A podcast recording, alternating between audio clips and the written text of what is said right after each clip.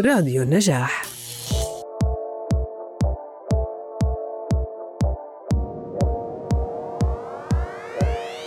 أهلا بكم مستمعينا الأعزاء في هذه الحلقة من كلاكيت وفشار معي أنا محمد إبراهيم ومن الهندسة الإذاعية أسامة صماضي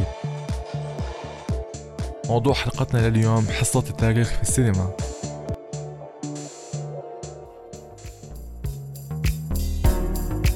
تحكي الأفلام التاريخية والسيرة الذاتية قصص عن شخصيات بارزة مؤثرة في التاريخ لأسباب مثل فضول الجمهور ليعرفوا حياتهم ولتخليد هاي الشخصيات في ذكرياتنا والإحياء ذكراهم والأحداث اللي شاهدوها أو اللي شاهدتها الأجيال القديمة. وتطور الموضوع بعد فترة تحكي الأفلام قصص واقعية لأشخاص عاديين تحدوا ظروفهم الصعبة وغيروا حياتهم للأحسن.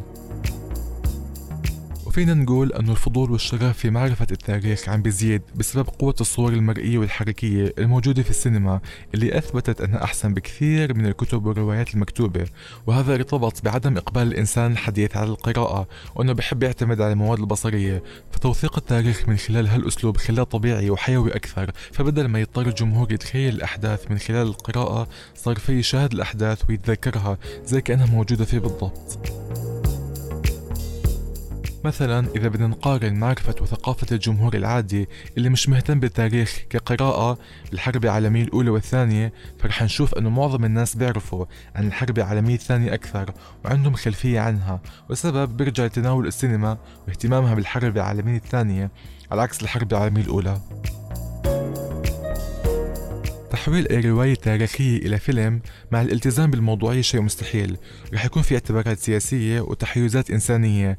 وبعيدا عن صحة نقل الأحداث وتوافقها مع التاريخ رح نعمل مقارنة لموضوع هتلر والنازية بين السينما الألمانية والسينما الأمريكية. في الأولى قدمت مقاربات سوسيولوجية لفهم أعمق للظاهرة وكيف تشكلت داخل المجتمع الألماني وكان هناك تساؤلات في مقدرة خروج المجتمع من فترتهم البائدة ومعالجة آثارها واهتمت أكثر بكيف صار الهولوكوست وكيف تواطأ واشترك المجتمع بكامله على الإبادة وحاولت تقدم معالجات لكيف ينجو هذا المجتمع. في المقابل هاجمت وأدانت الأفلام الأمريكية هتلر والدولة النازية وبينت أفعاله الوحشية وبشاعة أيديولوجيته وإبادته لليهود ومعسكرات الهولوكوست. ومن أبرز كتاب السيناريو المختصين بالتاريخ الكاتب وليد سيف يلي نقل لنا معاناة الشعب الفلسطيني في التغريبة الفلسطينية وسلسلة ملوك الطوائف وكذلك آخر أعماله في مسلسل عمر بن الخطاب.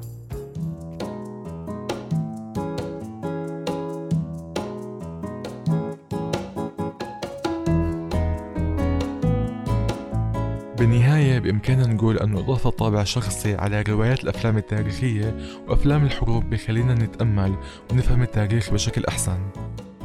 والسينما بتفسر أحداث الماضي بشكل عالي ومثير للجدل بالإضافة إلى خلق رواية بديلة لإلها وتحليل دوافع المشاركين فيها وتقديم مجموعة من وجهات النظر والمواقف المختلفة.